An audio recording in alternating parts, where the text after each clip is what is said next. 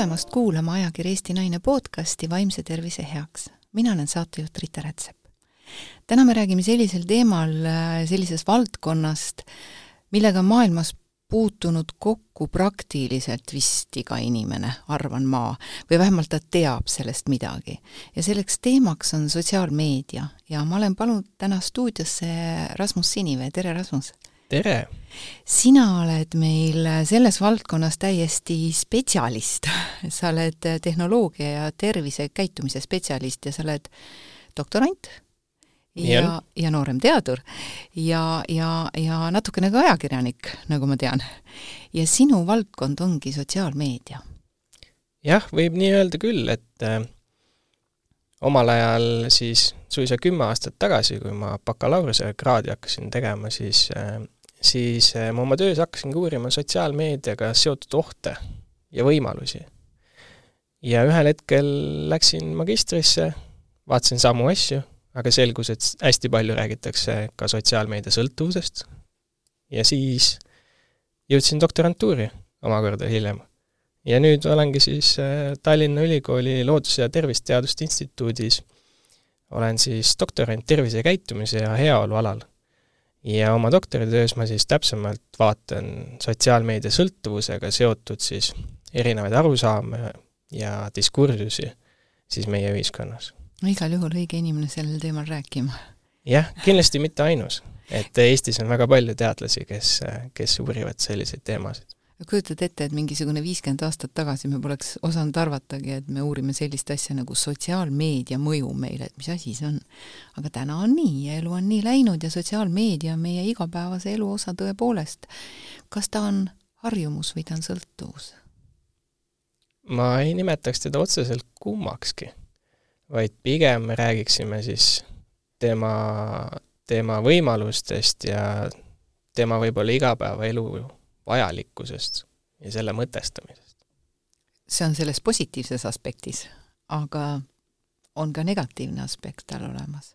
jah, kindlasti on ka negatiivne efekt, et äh, väga paljud uuringud näitavad, et äh, et sotsiaalmeedia kasutamine võib olla ühelt poolt seotud erinevate vaimse tervise häiretega, mis kindlasti on murekoht, siis äh, vaimse tervise häiretest nagu ärevus, hajevus, psühhoos, vihasus, ühesõnaga see list läheb meil siin nii pikaks, et meil saaks eetriaeg ilmselt täis, kui ma kõik need siin ette loeksin.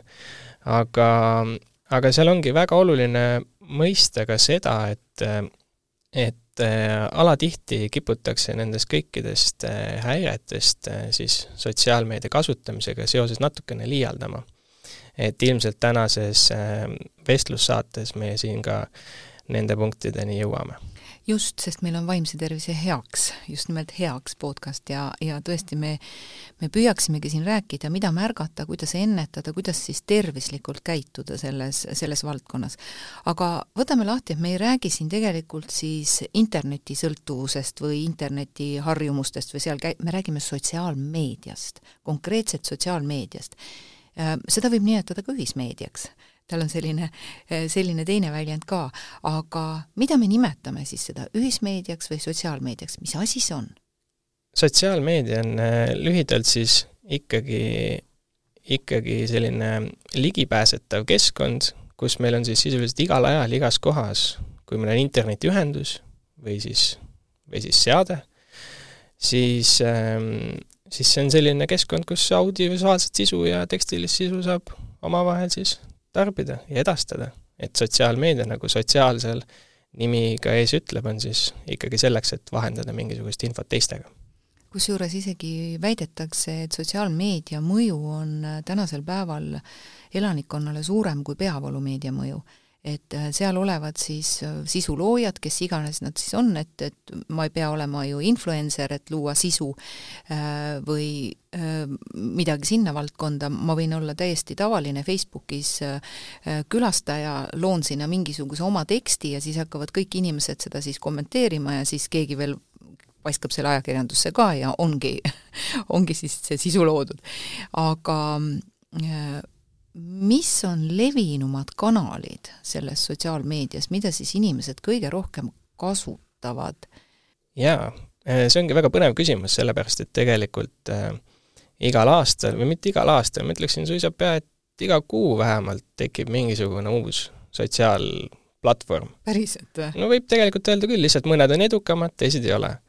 et nii palju, kui mina oma uuringuid olen teinud, siis äh, ja, ja ma rõhutan, et need ei ole nüüd kõik ei keskendu viimasele aastale, vaid pigem ma räägin nendest uuringutest, mis on olnud mõne, mõne aasta tagused juba, siis, siis nendest on selgelt näha, et, et kõige populaarsem nii-öelda sotsiaalvõrgustik on olnud Facebook noorte seas, sõltubki, et keda me, kelle käest me siis küsime, on ju, kes nagu mida kasutab.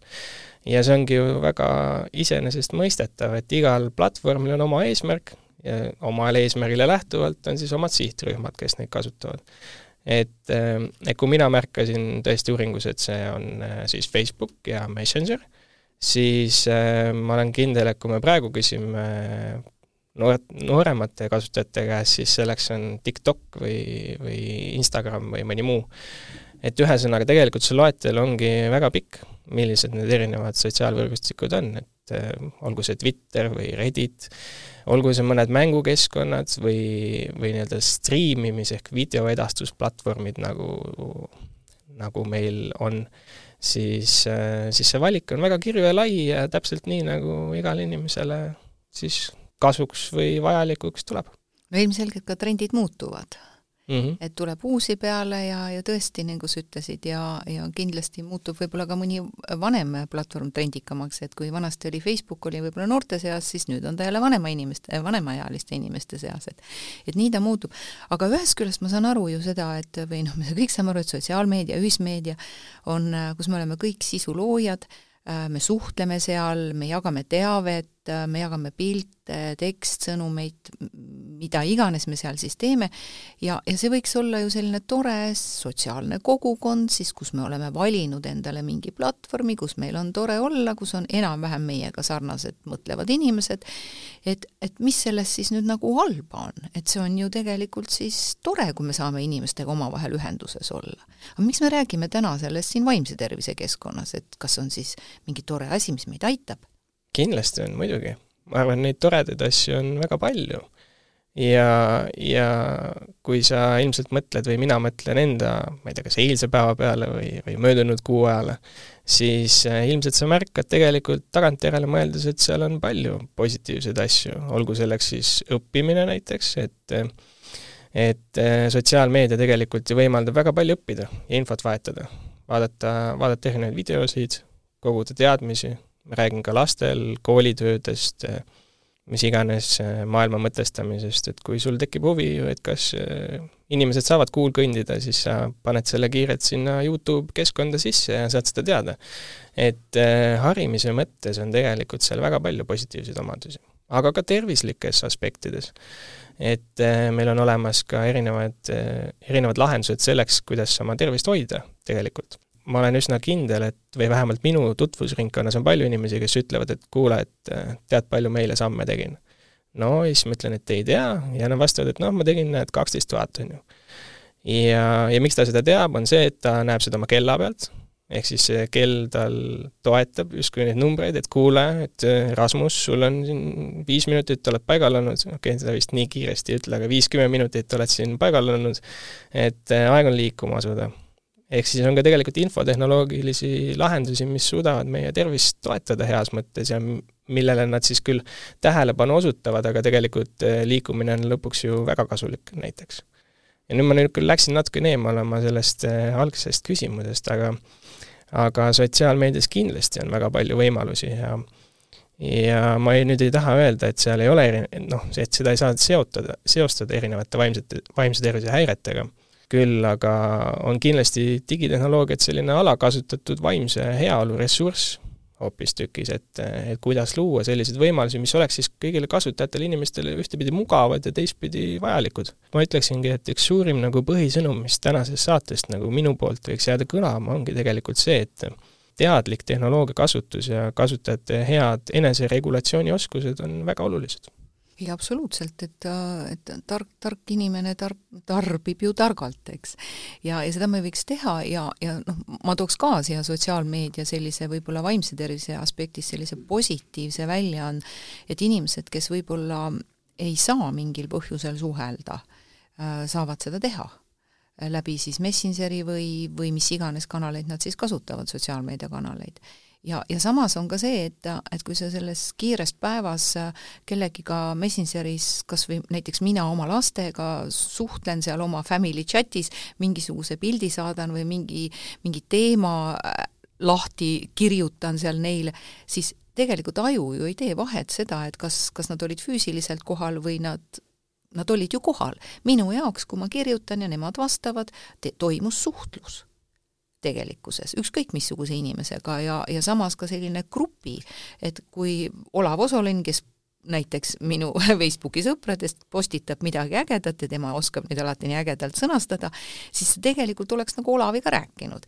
ja siis, kui veel mingid inimesed seal midagi kommenteerivad, siis sa naerad päriselt ja, ja sa oleks olnud nagu grupivestluses. et see on niisugune näiline, ma saan aru, et see on näiline, aga ta tekitab sellise heaolutunde, et see on selle asja nagu positiivne külg ju tegelikult. oled sa nõus? jaa, kindlasti. ja ma arvan, et selline kogukonna ja ühtekuuluvustunne ka, et sul tekibki selline, selline kogukond, eriti kui sa seal siis reageerid ka, sul on ju võimalus kommenteerida Olavi postitust ja ja särki-värki, et siis, siis te oletegi justkui selline ühtne kogukond, kes siis seda teemat seal vaagib.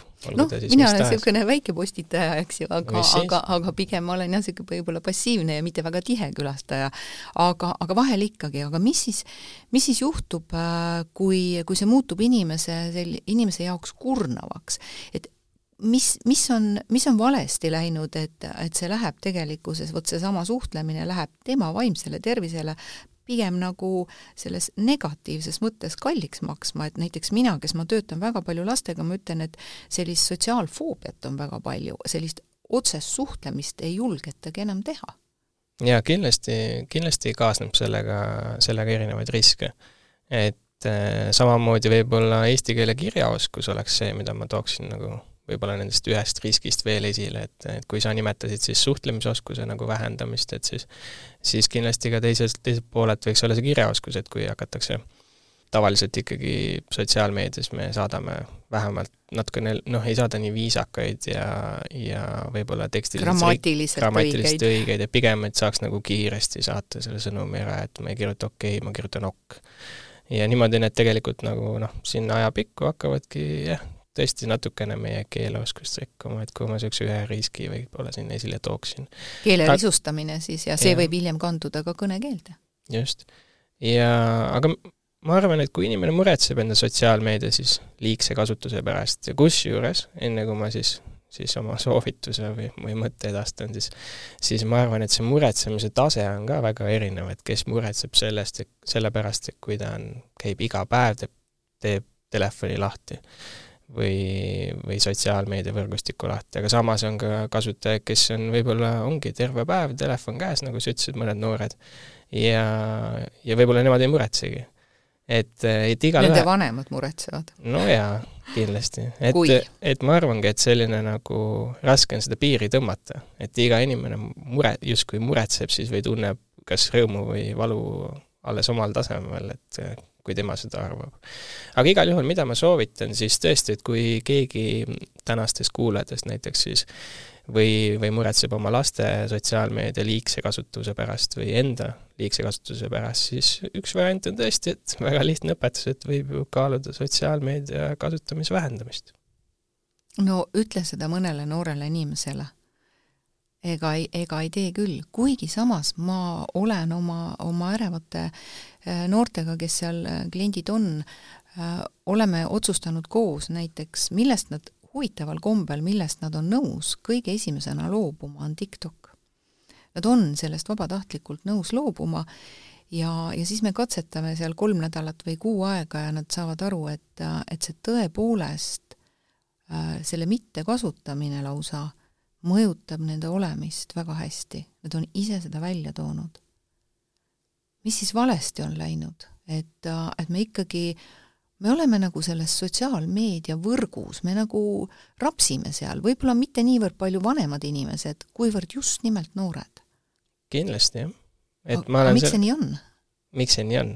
no ma arvan, et eh, on erinevaid eh, võimalusi meil, kuidas oma aega sisustada ja kui midagi teha liiga palju, siis, siis tavaliselt see kipubki meie aega ära sööma ja ja ei ole võib-olla niivõrd tervisele kasulik, et ükskõik, mis asi see on, et kui me teeme seda liiga palju, siis, siis ega ta mõistlik ei ole. no see on ilmselge. aga mida sina oma nendes töödes oled uurinud just konkreetselt, et need tööd, mida sina oled siis teinud, ma sain aru juba bakatöö, magistritöö ja nüüd sa oled doktorantuuris, et mida sina konkreetselt uurisid, siis Eesti keskkonnas, jah?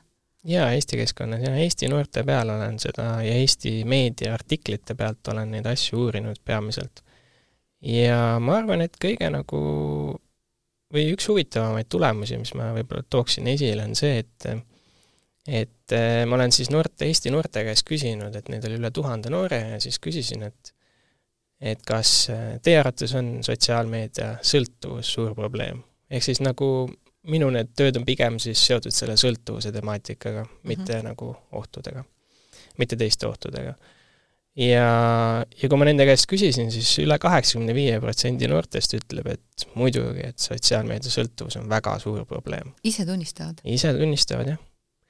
ja aga samas, kui ma küsin, et eh, kas enda arvates oled sõltuvuses, siis sealt enam neid vastuseid väga ei tule, et siis, siis pigem räägime, noh ikkagi suurest hulgast, me räägime umbes veerandist noortest, kes siis ütlevad, et tõesti, jah, ma arvan, et ma olen enda arvates sõltuvuses kui sealt äh, edasi minna, siis äh, ilmselt kui me küsiksime selle kohta äh, noorte käest seda, et et kas sinu parim sõber võiks olla sõltuvuses või, või lähedane inimene, siis kindlasti see vastus oleks nagu oluliselt rikkalikum.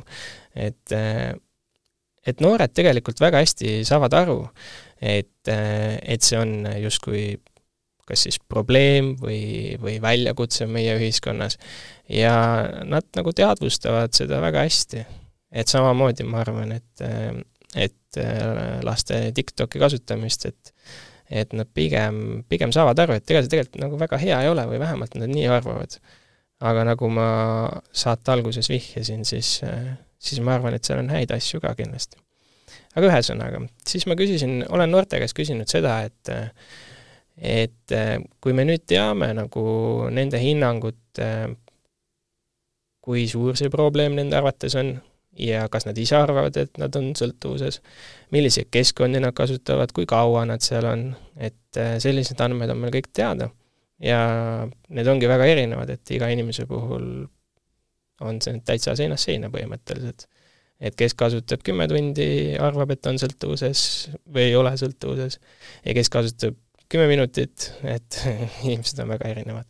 aga ühesõnaga, ma olen siis nende käest küsinud seda, et äh, kasutanud niisugust sõltuvusskaalat et Norra Bergeni ülikooli teadlased äh, koostasid ühe sõltuvusskaala, mida siis saaks kuidagi, kuidagi üks niisugune võimalik tööriist, millega siis mõõta sotsiaalmeedia sõltuvust. ja see koosneb nagu viiest-kuuest küsimusest, et äh, kui tihti oled sa mõelnud näiteks sotsiaalmeediast ja vastat-... lihtsalt mõelnud siis? lihtsalt mõelnud, jah ja., esimene küsimus mm. -hmm ja vastata saab viiepallilises Likert skaalas, see on siis, et äh, väga harva, harva, mõnikord sageli, väga sageli. ja niimoodi, et kui need äh, punktid siis seal kokku lüüa, siis, siis justkui saaks omistada teatavat sotsiaalmeedia sõltuvust siis sellele noorele. et seal on küsimused veel, et äh, kui tihti oled mõelnud, et soovid Facebooki aina rohkem kasutada või sotsiaalmeediat, kas sa arvad, et sa kasutad sotsiaalmeediat oma murede unustamiseks kui tihti oled sa proovinud olla vähem aega sotsiaalmeedias, pole õnnestunud, kui tihti oled sa muutunud rahutuks või murelikuks, kui sa ei saa seda kasutada? ja, ja nii. Kui... see on siis nagu subjektiivne hinnang, et, et see ei ole nagu Just. nagu faktipõhine, et laps võtab lahti oma äh, oma telefoni, vaatab sealt äh, settingute alt, et kus kohas see informatsioon on, et kui palju ma olen siis Instagramis ja TikTokis, et seal on ilusti näha, eks ju, et, et seda ta tegelikult ei tee, vaid see on tema subjektiivne hinnang tema enda tegevusele. see on see, mida sina oled uurinud. just. et, et tihti ongi nii, et äh, mõõdetakse ka siis ähm, sarnase skaala alusel erinevat alkoholi ja kasiinosõltuvust ja kõike muud sellist, äh, sellist paha nii et, nii et jah, seda skaalat ma kasutasin ja mis siis selgus, oli see, et tulemustes, et kui need tuhand, tuhat noort seal omavahel võrrelda ja seda skaalat kasutada, siis selgus, et vaid mõni üksik protsent siis nendest noortest justkui selle skaala alusel võiks siis omada teatavaid sõltuvuslikke tunnuseid. Et äh, minu nagu doktoritöö ongi siis nagu peamiselt leidnud seda, et äh, kogu see sõltuvuse temaatika on kindlasti üle võimendatud ja ei ole pigem nagu asjakohane võib-olla termini kasutuski. et äh, me teame, et paljud paljud inimesed ja, ja tegelikult ka mõned teadlased võrdlevad siis sotsiaalmeedia kasutamist, nagu ma enne ütlesin, täpselt samamoodi alkoholiga, tubaka tarvitamisega, räägime sellisest sõltuvuslikkusest diskursusest kui probleemist, millega meie ühiskond peab hästi kiiresti tegutsema. ja, ja justkui kui me seda ei tee, siis, siis ma ei tea, mis saab, et siis on kõik hukas. ja põhimõtteliselt nagu seda siis eh, teaduskond võtabki kokku kui sellise moraalse paanikaga ja mida see moraalne paanika tähendab, on siis see, kui me üht või teist teguviisi hakkame nagu mõtestama kuidagi ühiskonnale ohtlikuks. ja samas nagu ei ole selles ka mitte midagi uut sellistes moraalsetes paanikates, et et kas see oli juba enne Kristuse sündi, kui Aristoteles ütles, et lugemine võib meile saada ühel hetkel ohtlikuks, et on levimas selline uus haigus siis on selles räägitud, sellest räägitud samamoodi kirjutamisest meie ajaloos. ja siis ühel hetkel nagu tulid juba tehnoloogiad ja rääkimata siis raamatutest, aga tulid tehnoloogiad ja iga uue tehnoloogiaga käib kaasas selline muretsemine. et äh, muretseme selle üle, selle üle, et kuivõrd ohtlik see siis meile jälle on. et kui vanasti räägiti lastele, et ei tohi minna õue või et ärge nüüd nii kaua õues ka olge, siis nüüd on lihtsalt, et ärge nii kaua telefonis ka olge. ja milliseid nagu uusi lahendusi see moraalne paanika on siis käsitlenud, on näiteks lauamängud, arvutimängud, videomängud. see loetelu on hästi pikk, räppmuusika ja kõik muu. et, et vahel tõesti kiputakse võimendama selliseid asju meedias. nii et ja mina olen siis ka oma artiklites seda, seda uurinud ja leidnud, et, äh, et kui meedias räägitakse sellest äh, sõltuvuslikust käitumisest, siis ligi kaks kolmandikku nendest artiklitest keskenduvad erinevatele vaimse tervise probleemidele. et äh, olgu selleks ärevus, hajevus, psühhoos, kuni ajukoore nii-öelda kahanemiseni, kahanemiseni või kahjustumiseni välja. et ähm, et probleem tegelikult nagu kiputakse tegema palju suuremaks, kui see siis tegelikult on. ahaa, aga samas äh, kui ma, ma kuulan sind ja, ja, ja kindlasti kuulaja mõtleb ka kaasa ja tal on selline sisemonoloog ja võib-olla isegi päris tige sisemonoloog või mõni just vastupidi ja kuulab, mõtleb jess, jess, jess, eks ju, et üle võimendatud. et, et kindlasti on, on selliseid arvamusi praegu seinast seina ja minul näiteks tekkis äh, siin see mõttekäik, et, et sa uurisid tegelikkuses ju, nagu ma aru sain, nende noorte subjektiivset hinnangut oma, oma käitumisele, no ütleme, kui sa alkoholiku käest äh, küsiksid, et et kuidas sa nüüd hindad siis seda oma joomist, siis noh, mis natu võtan, eks ju, pole siin häda miskit. et see on subjektiivne hinnang, hinnang, et kui seal oleks kõrval nagu ka reaalne, et võtame nüüd telefoni lahti ja nüüd vaatame sinu sellest logist, et kui palju sa kuskil nagu reaalselt oled olnud.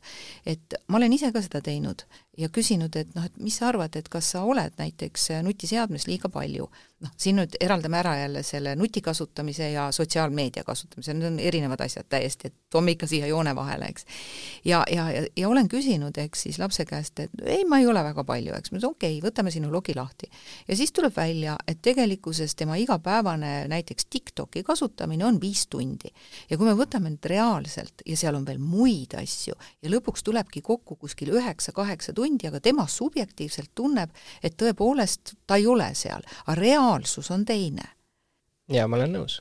ja kindlasti sa tõmbasid ise ka veel kaks erinevat piiri, et sa ütlesid, et liigne kasutamine ja siis äh, mina rääkisin sõltuvusest.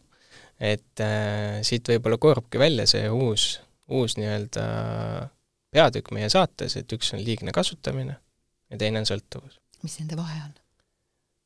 No vot, oleks seda nii lihtne öelda, aga aga sõltuvus on ikkagi kindlasti probleem, millega me peame tegelema ja see on meditsiinilise tähendusega nii et ma arvan, et, et selle terminoloogia kasutamine ei olegi niivõrd asjakohane aga mm -hmm. kõik need ohud ja mis, mis aga muidugi ei tähenda, et mõned noored ei oleks sõltuvuses ja et neid ei oleks oluline aidata, kindlasti. aga, aga pigem jah, et äh, sõltuvusliku see termini kasutamine pigem ei ole nagu kõige, kõige et li-, liigkasutamine on lihtsalt liigtarbimine, sõltuvus mm. on see, kus sa enam ei saa ilma selleta üldse olla. no absoluutselt, kui mina joon päevas kümme liitrit piima, siis on ilmselge, et liigpiima joomine, on ju. aga kas ta on siis piimasõltuvus? noh, ma võin üks päev olla ka ilma piimata ja ei juhtu midagi või vot ei tea, vot ei tea. et, et see on see terminoloogiline vahe siin. aga, aga tõepoolest, kui me võtame nüüd selle nagu sõltuvuskäitumise, et tõepoolest sellel inimesel, me räägime küll noorest, aga, aga tegelikkuses nii kummaline kui ei ole, olen mina ka kohanud väga selliseid vanemaealisi inimesi, kes siis on äh, Äh, sõltuvuses näiteks Facebookist ja ta ongi tõesti reaalselt sõltuvuses selles, et ta terve elu jääb seisma, et ta unustab ära oma õhtused või hommikused jalutuskäigud või, või isegi unustab rohud ära võtta, sest sellepärast, et ta on kogu aeg Facebookis ja teda huvitab see, mida teised teevad ja ta muudkui scroll ib ja uurib ja ja, ja võib-olla nii palju ise ei suhtle, aga, aga kommenteerib mõnikord ka, et, et see on ju küll puhtalt sõltuvus ja me ei saa rääkida ainult noortest, tõesti me võime rääkida ükskõik missuguses eas olevatest inimestest. kindlasti jah, et ma olen nõus, et äh, ühe, ühele asjale siis liiga palju, liiga kaua aega tähelepanu suunamine on, on kindlasti probleem. ja eks seda siis tuleb ühel või teisel moel siis teadvustada no, lihtne öelda muidugi. jah ja., ilmselgelt, eks, et, et mina just lugesin ühte Suurbritannia uuringut, kus, kus räägiti siis ka sotsiaalmeedia kasutamisest ja see oli kuskil kaks tuhat üheksateist uuring, et, et noh, ikkagi aeg läheb kiiresti, on suhteliselt vana uuring, et, et ma tean, et seal oli ka mingisugune tuhat viissada teismelist, keda siis, keda siis seal uuriti. Ja, ja seal vist oli kõige suurem kasutamine sellel ajal, kaks tuhat üheksateist oli ilmselt in, Instagram. Ja, ja tõepoolest seal ikkagi seostati äh, Äh, noorte siis selles uuringus siis teismeliste sellise ärevuse, depressiooni äh, ja ka kiusamisega ja, ja nendel veel tuli ka välja selline aspekt, et, et neil oli hirm millestki ilma jääda, et nendel oli täiesti sotsiaalmeedia sõltuvus, et nii kui nad sellesse äh, mis iganes platvormi, kui nemad jätavad seal olemata või seal käimata, et siis nad jäävad millestki ilma ja, ja see võis tulla ka siis hirmust saada kiusatud, et sa oled infopuuduses, sa ei tea midagi. et selline asi sealt välja tuli ja, ja tõesti, seal oli ka väga kõrge ärevuse ja depressiooni näitajad sees. kuidas sa seda kommenteeriksid, et siin tuleb küll nagu välja see, et, et tegemist oli sõltuvusega? ma kommenteeriksingi seda ilmselt nõnda, et neid uuringuid on erinevaid ja ja ongi nagu erinevad koolkonnad, kes leiavad erinevaid asju. eks see tihti nagu sõltub selles valimis ja, ja võib-olla püstitatud uurimisküsimuses. et, et samas, et samas on näidanud ka uuringud, et, et selline sotsiaalmeedia kasutamine võib ka vähendada ärevust või depressiooni. ja, või suurendada enesehinnangut või võimaldada efektiivsemalt osaleda siis kas gruppides või kogukondades suhelda sarnaselt mõtlevate inimestega, õppida ning palju muud et kui me vaatame nagu noh, see ongi lõpuks, et kuidas me peaksime siis nendes uuringuid nagu kokku võtma. ja seda on väga lihtne teha, et siis on olemas sellised süstemaatilised teadusülevaated, mis siis justkui koondavadki erinevaid uuringuid, mis on siis seda ühte või mitut aspekti siis käsitlenud aastate vältel ja siis ta koondab neid tulemusi. ja seal jäävad nagu pigem kõlama tegelikult pigem positiivsed mõjud. Et äh, et ongi jah, kindlasti on erinevaid uuringuid ja sõltubki, kuidas see uuring on üles ehitatud ja kõike muud, aga aga jah, et me peaksime täheldama ka neid positiivseid omadusi, mida siis tehnoloogia areng ja ja võimalused meile pakuvad, aga mis ei tähenda muidugi, et teisi ohte ei tuleks meil teadvustada. ma arvan, et sellised äh, kiusamismured ja privaatsusküsimused on kindlasti väljakutsed, millega meie ühiskond peab tegelema et äh, need ei ole ju tegelikult ainult sotsiaalmeedias, vaid äh, kiusamine on ka siis nii-öelda meil, äh, meil siis koolikeskkonnas või, või kus, kus mujal, aga töökeskkonnas isegi. et, et neid, neid muresid tuleb teadvustada, aga ma võib-olla ei ajaks neid kõike nagu sotsiaalmeedia patta ja süüks. kindlasti mitte ja, ja kui lähme päris algusesse, kohe päris, päris algusesse, kust on saanud alguse sotsiaalmeedia? Ma arvan, et eks ta ikkagi tehnoloogia arengust alguses sai. kuidas loodi Facebook? kes lõi Facebooki? see oli meil ikkagi mees nimega Zuckerberg. jaa, ja miks ta lõi selle? Kas see ei olnud mitte sellepärast, et ta tahtis oma töötajatega vahetada ei, ta oli üliõpilane, ta oli hästi tagasihoidlik üliõpilane ja ta ei julgenud nagu noh, silmast silma inimestega suhelda ja siis ta lõi, lõi sellise sotsiaalmeedia keskkonna, kus ta sai tunda ennast siis äh, kaitstuna, ta oli turvalises keskkonnas, tal ei olnud äh, silmsidet vaja tekitada ja sealt sai alguse tegelikult ju Facebook. just, just. et kas seda me võime nimetada siis äh, sotsiaalmeedia alguseks üldse? Varem seda vist sellisel kujul ei olnud, noh meilivahetus nüüd ei ole sotsiaalmeedia, eks, see on, aga päris, päris sotsiaalmeedia keskkond. ma päris nii ei üle, ei ma ütleks, mõtlen, et ta... kus see päriselt alguse on saanud? eks ta kasvas välja lihtsalt erinevatest keskkondadest. no ilmselgelt. ja, ja nii ta läks, et, et kohe, kui tekib selline kahepoolne infovahetus, siis, siis me kuidagi saaksime sellele justkui niimoodi tunnuseid anda et.... no ma ütlen, meilivahetus ei ole sotsiaalmeediakeskkond, eks ju, et noh, päriselt äh,, no grupi, grupi põhimõtteliselt vahetus, mitte, jah. põhimõtteliselt mitte, eks ju. aga noh, ka Eestis on olnud ju palju sotsiaalvõrgustikke. oi jaa, meil on olnud Reidid ja mis meil siin kõik ja need on olid ju enne Facebooki minu meelest. jaa, vist küll, tõesti. jah, jah et päris huvitav, et kuskilt on mingi asi alguse saanud, mida meie kasutame ja mida meie täna tõesti, nagu ma ka alustasin, et terves maailmas noh, kui iseendal ei ole, siis tead ikkagi sotsiaalmeediat kui niisugust, sa tead seda, et ma arvan, et ei ole inimest, kes ei tea seda. aga me ei ole kunagi mõelnud, kus see alguse on saanud, kus see nagu päriselt alguse on saanud. et võib-olla tal sellist ühest algust, et nii, täna vot sellel kuupäeval, sellel aastal tehti esimene, noh sellist asja vist ei ole, et tõesti, ta on saanud alguse kuidagi sujuvalt mingite asjade liikumise mõjul. see võib olla vist nii. võib olla küll nii, jah. ja, ja neid keskkondi on olnud hästi palju, et MySpace ja kõik muud, et et neid keskkondi on olnud kõvasti.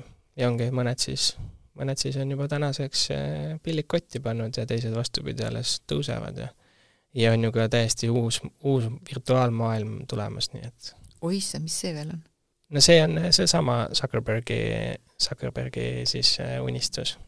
et kuidas äh, kuidas seal siis edaspidi, edaspidi toimetada nii-öelda virtuaalmaailmas, kus samamoodi ostetakse kinnisvara ja ja ostetakse pilte ja kõike muud, nii et eh, eks ole näha, kas, kas ja mis nagu nendest kõikidest plaanidest saab, et keskkonnad muutuvad ajas ja, ja küllap siis me räägime sellest eh, mingist muust sõltuvusest jälle, nii et eks ta niimoodi et reaalsus kaobki nüüd ära ja me loomegi virtuaalkeskkonna, kus me siis nagu näiliselt nagu tegutseme ja toimetame ja tundub, nagu oleks reaalne. põhimõtteliselt küll, ma just tahtsingi öelda, kas virtuaalreaalsus ei ole siis reaalsus?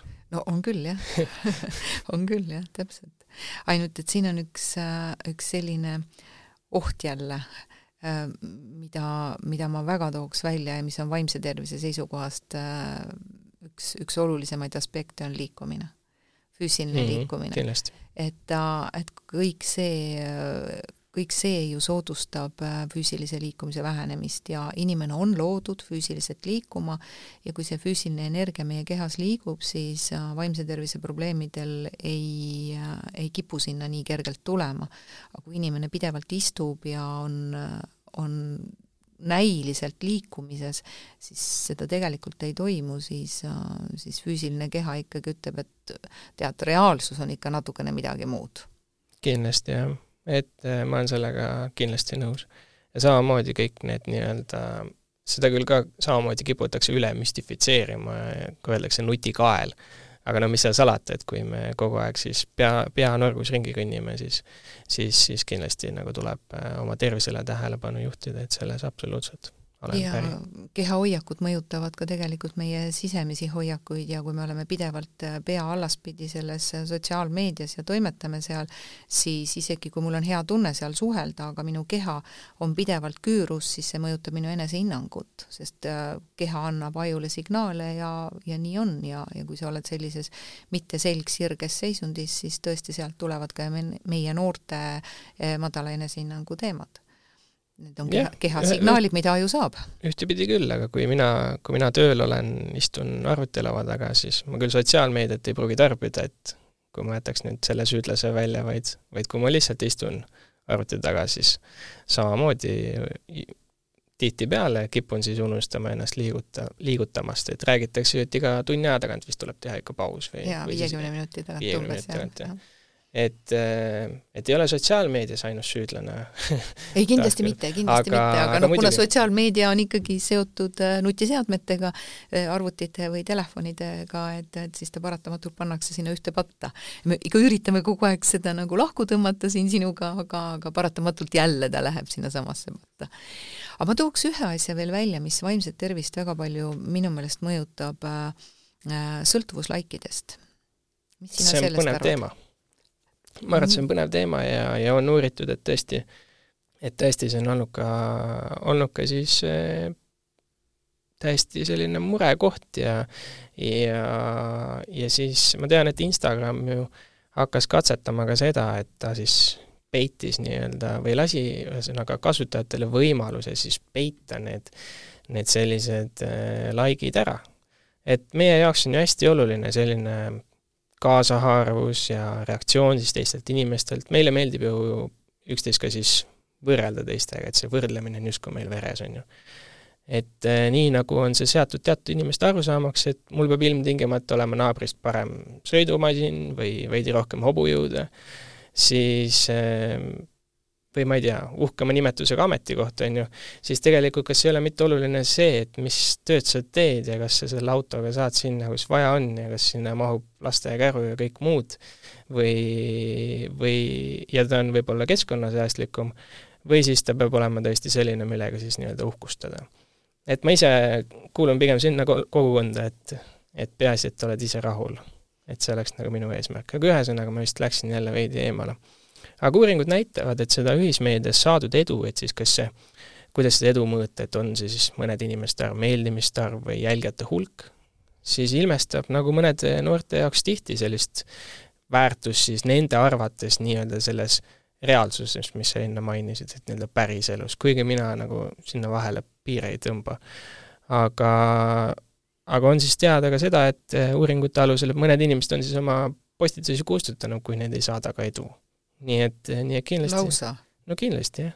ja noh, seda näitavad uuringud ka, mitte ma ei viska seda huupi siia üles, aga aga selline häbistamine ja, ja, ja stigma on kindlasti nagu teema, millega tuleb ka tegeleda. et ühesõnaga, sa vist alguses nüüd küsisid seda, et kuidas kuidas see meeldimiste arv siis? jah, et, et, et tegelikult see sõltuvus laikidest äh, viitab ju ikkagi sellele, et on sotsiaalmeedia sõltuvus olemas. et äh, mul on hästi oluline, kui palju mul on seal sotsiaalmeedias sõpru, kui palju nad like ivad mingeid äh, minu postitusi, et, et on inimesi ju, kes lausa noh, ma ei tea, mingi, ma ei kujuta ette küll, mingi aja tagant nad siis vaatavad seda, et, et palju neid likee on juurde tulnud, siis nad vaatavad järgi, kes on seal siis neid like inud. Äh,, jälle mingid uuringud, mida ma olen kuskilt lugenud ja mis on ka reaalsus, ja, ja täpselt samamoodi näiteks noh, nooremate hulgas on hästi oluline, kui palju tal on sõpru, kui palju tal on jälgijaid. ja siis ta käib ja kontrollib, et kas neid sõpru on juurde tulnud või kas keegi on teda nüüd ära blokkinud või, või mis seal nagu toimub, kas me ei võiks seda ikkagi ka nimetada mingisuguseks sõltuvuskäitumiseks pigem mina ütleks, et mitte.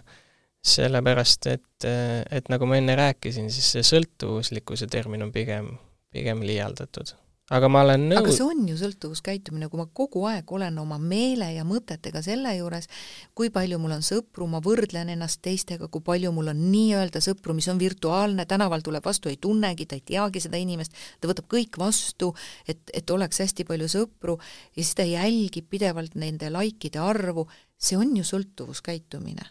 ta on sõltuvuses sellest temaatikast. või sa vaidled vastu, väga põnev. ma natukene, ma natukene ja tahan oponeerida, aga eks ma ju mõtlen aktiivselt kaasa, et aga ma mõtlesin seda, et kui ma nüüd proovin nagu sulle siin ja praegu näidata, et mul on palju sõpru, käin ringi, ütlen kõigile tere, ma tahan, et kõik eh, paneksid mulle samamoodi nii-öelda justkui silma vaadates like'i, et ma olen täna hästi riides nüüd natukene liialdan, aga ma mõtlen siin kastist välja, et kas see oleks siis ka sõltuvus? et kui ma justkui mitte sotsiaalmeedias ei taha edvistada, vaid ma edvistaksin nagu päriselus, et palju sõpru ja ja kõik asjad, et noh ma... kindlasti nii on ja aga, aga siin on jälle see virtuaalsuse ja reaalsuse vahe, et, et virtuaalselt sul on hästi palju sõpru ja sa tahad, et oleks hästi palju sõpru, aga kas siis need inimesed, kellel seda reaalelus ei ole, tahavad seda siis rohkem või? no vot, ei tea. Vot, vot siin on nagu mõttekoht, et ilmselt, ilmselt see temaatika on veel meie jaoks suhteliselt uus, seda ei ole veel piisavalt palju uuritud, kuigi teda on juba kaua meil üldse, see sotsiaalmeedia on mingi kümme, kakskümmend aastat ikka juba on, eks. et et teda on ju noh, mingil määral uuritud, aga, aga võib-olla, võib-olla ikkagi tuleb sinna juurde väga palju uusi aspekte, sellepärast et uute platvormidega tulevad ka uued aspektid. ja, ja selle, selle mõju võib-olla tõesti ei olegi nii palju uuritud.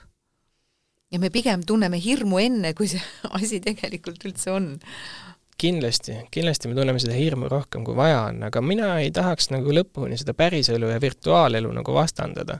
et tegelikult meil on siiski, Rita, ainult üksainus elu. Ja, ja, ja mida me elame, mida me elame nii tehnoloogiast vahendatud kui ka vahendamatul moel. jaa, seda kindlasti, kindlasti jah. Just, aga, aga mõned inimesed ajavad selle nagu sassi, vot siin ongi see, noh, mina olen isiklikult näinud äh, koolikeskkonnas, töötades kunagi koolipsühholoogina, kus äh, kaks poissi kaklesid reaalselt ja, ja siis ma läksin nagu seda asja sinna nagu vaatama, et poisid, mis teil juhtus, eks? Tuli välja, et virtuaalelu oli tulnud reaalellu sellepärast et, et äh, Minecrafti mängus oli keegi midagi sealt kellelgi pihta pannud ja, ja alatul kombel, eks ju, ja siis maksti sellele füüsiliselt kätte, nii et reaalsus ja siis see virtuaalelu oligi reaalsus Mm -hmm. ja oligi sassi läinud, kuigi tegelikult nagu mitte midagi füüsiliselt sult ju ära, ära, ära ei võetud, aga näiliselt võeti füüsiliselt ära. nii et kus see piir läheb? Jaa, nõus. Need on huvitavad küsimused kõik, mille üle me saaksimegi ilmselt siin mitu tundi veel arutleda. no jah, võiks natukenegi, et mis, mis asi see on? mis asi see tegelikult on, et, et ma ütleks, et nutiseadme nutikas kasutamine on, on nutikas kasutamine, teadlik kasutamine, aga me ei tee seda nutikalt ja, ja just leida neid märke, miks me ei tee seda nutikalt või mis, mis juhtub, et ma ikkagi arvan, et see silmast silma suhtlemine, see energia vahetamine on inimloomusele omasem kui see uus reaalsus. võib-olla me ei ole selle uue reaalsusega lihtsalt nii palju harjunud, aga kas see ongi siis meie tulevik nüüd? Samas väga paljud inimesed, kes teevad siin Zoomi koolitusi või on Zoomi tunnid, äh, on viinud selleni äh, või vähemalt nende asjade läbiviimine on viinud selleni, et lastel on tekkinud vaimse tervise probleemid, mis viitab sellele, et ikkagi reaalne reaalsus on olulisemalt olulisem inimese jaoks kui see virtuaalne reaalsus. et see virtuaalne ikkagi väsitab rohkem ja seal jääb midagi nagu puudu ja. mingi energeetika jääb ikkagi puudu, et nad Olen on nõus. reaalsused, aga, aga üks toetab vaimset tervist ja teine ei toeta. ja, ja, ja mõnikord ka toetab jälle, eks ju. mõnikord ka toetab, aga, aga kindlasti, kindlasti jah, ega ma olen nõus, et ka mulle meeldib, ülikoolis võid tööl käia ikka kohapeal, kui teha kaugtööd. aga see sõltub ka inimesest, et mõnel inimesel meeldib kaugtööd teha ja vaimne tervis hoopis paraneb noh, et olla kodus, teha omas keskkonnas, õppida Täiesti. omas keskkonnas, õppida üksi Teamsis, mitte üksinda, aga noh, õppida Teamsi vahendusel. et äh, jah, ja on ka teistpidi siis, et äh, mina olen ka pigem see, kes oleks siis nii-öelda koha peal ja, ja, ja väga palju oli tõesti, nagu sa ütlesid, inimesi ja, ja, ja, ja täiskasvanud inimesi ja ka lapsi, kes tundsid ennast turvalisemalt sellisel kujul, aga on ka väga palju selliseid juhtumeid, kus siis tekkis lausa sotsiaalfoobia ja, ja see noor inimene on kapseldunud oma maailma ja ta ei julgegi enam seal välja tulla, et et igal asjal on ikkagi nagu väga-väga mitu otsa, nii positiivne kui negatiivne. Ja, ja noh, see on juba hinnanguline võib-olla, aga, aga, aga nii on. et võib-olla siin pigem nagu äh, selle, selle meie kõige selle mõttevahetuse juures võiks välja tuua selle aspekti, et olla teadlik endast ja olla teadlik kasutaja. noh, täiskasvanuna võib-olla me saame seda teha, noorena ma võib-olla nii palju ei saa seda teha. siis oleks vaja täiskasvanu suunamist. jah, ma olen, ma olen põhimõtteliselt päri, et ma arvan, et mõju vaimsele heaolule sõltubki kasutajast. ja ja, ja kindlasti me peame, peame nagu väga hästi ütlesid, nutikalt seda asja kõike, kõike hindama ja mõtestama. et eh, ja siis, ja siis samas nagu oma ekraanikasutusaega siis targalt nagu juhtima, jah. ma tean, et muidugi mul on siin lihtne nagu, lihtne õpetada, eks ole, et et aga, aga noh, kui, kui nendest probleemidest rääkida, siis, siis ma arvan, et seda tulebki teha nõndaviisi, et et lõpuks sõltub sellest, see siis meist kõigist või igaühest.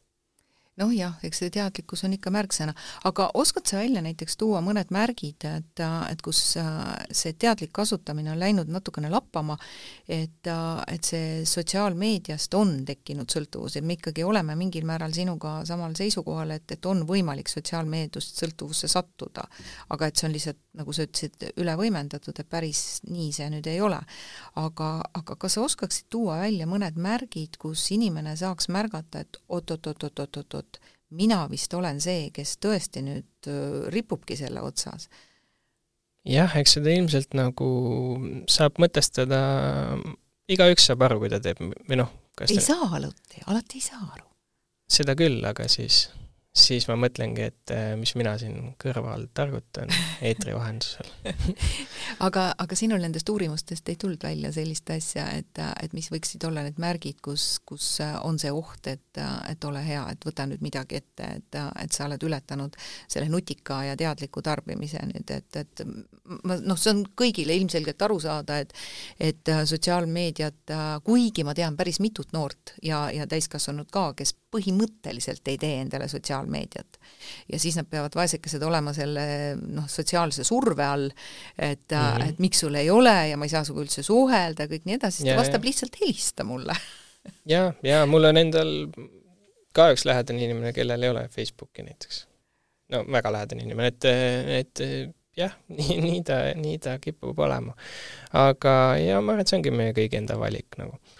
aga eks nagu, kui tulla nagu sellesse et millised need soovitused nagu liigse kasutamise piiramiseks võiksid olla, et siis, siis pigem nagu ma arvan, et kasu on nagu sellistest eh, nippidest, kui siis kui siis ikkagi oma meeldetuletused ja kõik vidinad, tuled, värgid, särgid maha tõmmata või natukene nagu limiteerida seda just, et igasugused teavitused, mis nagu tõmbavad siis justkui sinna telefoni kasutamisse tagasi. et kindlasti see on üks nagu nipp, kuidas see on võimalik siis, võimalik oma sotsiaalmeedia kasutamist piirata ja ja noh, see on tegelikult väga lihtne, et kui me mõtleme, et eks me kõik saame ise aru, et kui sa äh, ma vaatan praegu, Rita telefon on, äh, on näoga nii-öelda meie poole, ehk siis ekraan üles, aga kui ta ekraan all oleks, et siis ta ju häiriks vähem. või nagu noh, tõmbaks tähelepanu vähem, et noh, sellised väiksed, väiksed asjad, mille peale me ise tegelikult, tegelikult kõik ka tuleksime, et et kui, kui sa ei vaja telefoni, et äh, kõndida õues ja tahaksid äh, ennast nii-öelda välja lülitada ja nautida aega looduses, kui sa, kui sa sinna lähed, et siis sul on võimalik ju jätta telefon, telefon kas korraks autosse või koju, et kui see on, kui see on kiire keika, et et, äh, et oma tarbimist piirata, siis, siis ma arvan, et seal on nagu palju, palju nippe ja, ja ja ka see, et siis äh, et äh, öösel uni oleks parem, on ju, soovitatakse siis mit-, tund aega enne siis nii-öelda oma telefoni mitte kasutada, et aga noh, kuna see tihti ei kipu võimalik olema ja ma ise ei ole nagu siin kindlasti mingisugune etalon, kes seda, kes seda, kes seda nii-öelda eeskuju peaks tooma, et siis, siis äh, piisab, või noh, mitte ei piisa, vaid, äh, vaid tuleb kasuks, ma ei tea, valguse filter või, või või siis kas või selle heleduse reguleerimine, seda võib teha ju igapäevaselt, mitte ainult ainult, mitte ainult õhtul, et et, et tihti selline ekraani sätestamine kas siis teavituste või valguse või helide või kõige muu näol on nagu üks võimalik asi, kuidas oma tarbimist nutikalt juhtida.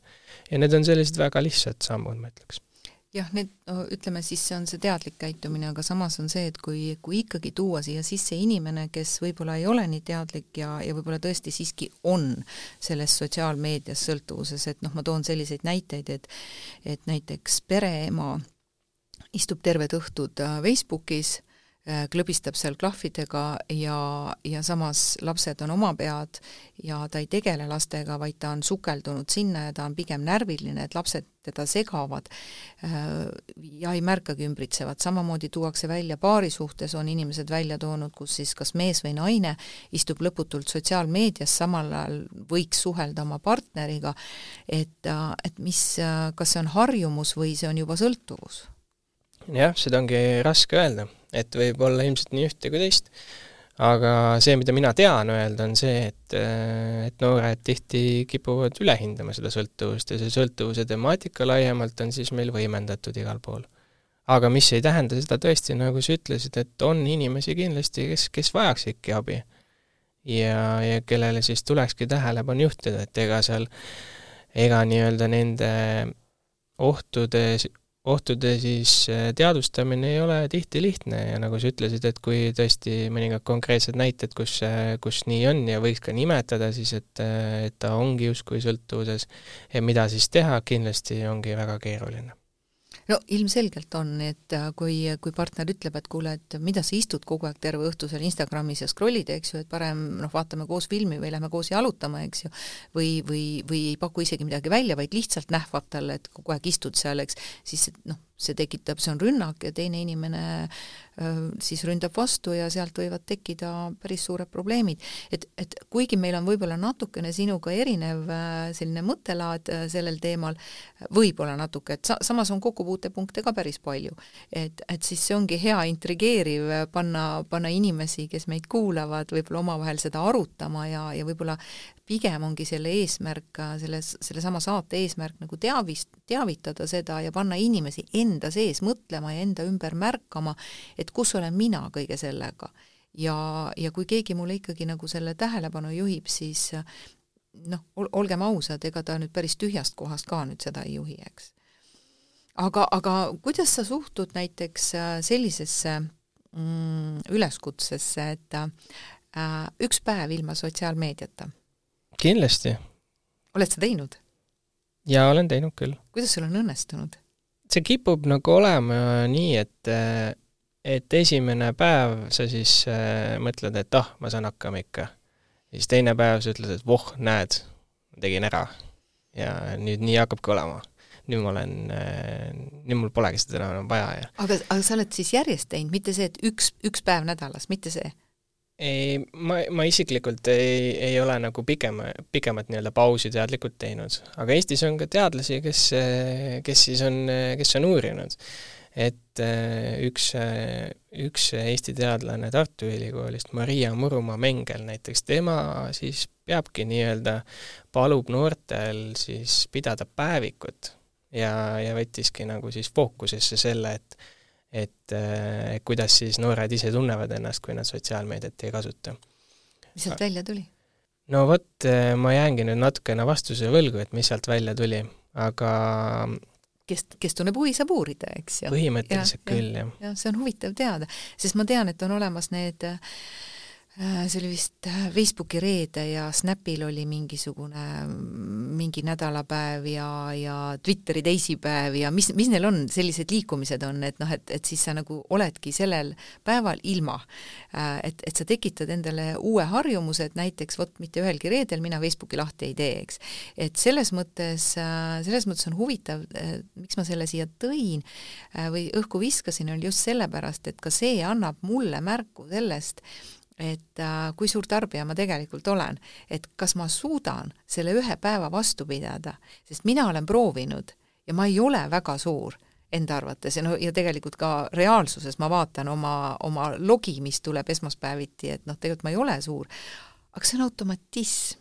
ma ikkagi teen selle lahti mm. -hmm. Jaa, kindlasti kohe nagu on, äh, vähemalt ma nagu enda puhul näeksin kohe seda, et et äh, seisan, seisan kuskil koridoris, ootan midagi, ma ei tea, olgu selleks näiteks äh, lift või või, või kellegi, kellegi teise ootamine, kaaslase ootamine, eks ole, siis äh, ja kui, ja kui, ja kui ma olengi selle nii-öelda pausi teinud või, või, või kas või aku on tühjaks saanud, siis korra nagu juba tõmbad harjumusest tõesti selle telefoni kätte või siis, kui seda telefoni sul kaasas ei ole, et siis, siis mõtledki, et okei okay,, et noh, see, et ma hakkan nagu teadvustama, et just sellel ajal ma tõepoolest muidu tavalisest harjumusest teen siis mingisuguse internetilehekülje lahti, loen uudiseid näiteks.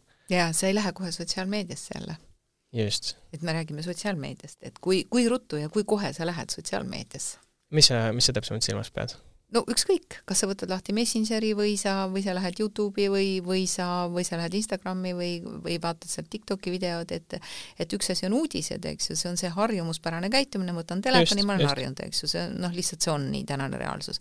aga kui kiiresti sa lähed sotsiaalmeediasse, vaatad, kas keegi on mulle kirjutanud, kas keegi on mu pilte vaadanud, kas keegi on midagi kommenteerinud jaa, ma ei ole nii nagu aktiivne võib-olla sotsiaalmeedia kasutaja. et nagu sinagi ütlesid, et, et väga agaralt ei, ei postita, siis mul on ka nagu kuidagi aastatega see nagu harjumuseks saanud, et et ma ise nagu nii agaralt äh,, agaralt elu seal ei ela. aga, ja no, ja kindlasti muidugi neid suhtlus, suhtlusrakendusi ma kasutan nagu palju jah, et, et neid, neid küll nagu kirjutan aga et ma ei torma vaatama, kas keegi on midagi like inud. jaa, et siis noh, no mina jälle võtaks äh, siit selle, et siis tegelikkuses nagu ei ole sõltuvused, eks. aga et, et üks selline piir aru saada, et kas mul on ikkagi teatud sõltuvus olemas ja me jõudsime mõlemad selleni, et see võimalus on, et inim-, mõnel inimesel ikkagi on sõltuvus. et noh, ilmselgelt on, eks. et, et siis see võib olla üks märk, et jälgida seda oma käitumist. aga, aga üks selline võib-olla soovitus on ka see, et, et panna endale enda testimiseks peale mingi teatud piirangud, et noh, ma ei tea, et, et äh, näiteks päevas, ma ei tea, Instagramis mingisugune viisteist, kakskümmend minutit, sa paned endale piirangu peale, kui sa saad täis, et siis jälgi oma reaktsiooni. kas sa tahad selle nüüd maha võtta äh,, lähed sa närvi sellest või okei okay,, sai täis, väga lõbus, homme jälle, et, et ka see näitab, et kui palju mul, kui palju ma tegelikkuses siis olen selles sõltuvuses või mitte nojah, mina seda niimoodi jälle ei kategoriseeriks, et ma natukene oponeeriksin, aga aga, aga põhim-, ma, ma olen muidu nagu ideega väga nõus, jah. et äh, selline tarbimise, tarbimise piiramine kindlasti hea mõte. aga just jälle, et kas ma nimetaksin nüüd seda kõvaks sõltuvuseks või mitte, et seda ei no aga siis saab teada, kas ma olen sõltuvuses või mitte, et kuidas ma tulen selle viieteist minutiga toime, et no ma ei tea, kas see nii lihtne mind... on, aga, aga jah. lihtsalt aga, mõttena. aga, aga mõte on jaa, mõtet ma kiidan heaks, muidugi. okei okay., no ühesõnaga, täna sai selline vestlus, aitäh, hea kuulaja, et sa meid kuulasid, aitäh sulle, et sa tulid. Ja, ja, ja meiega seda jagasid, et, et me, me vist jõudsime mõlemad sinuga selle mõttekäiguni, et igasugune teadlik tarbimine äh, on ikkagi noh, võtame nutiseade, ole siis nutikas ja kasuta seda nutikalt, ehk keera see enda kasuks, äh, vaata, milleks sul seda tegelikult üldse vaja on et, et siis tarbi seda, see on tarbimiseks. just, ja nüüd uuel aastal uue hooga ja teadlikumalt. absoluutselt, aitäh sulle! aitäh sulle ka kutsumast! ja aitäh kõigile, kes meid kuulasid!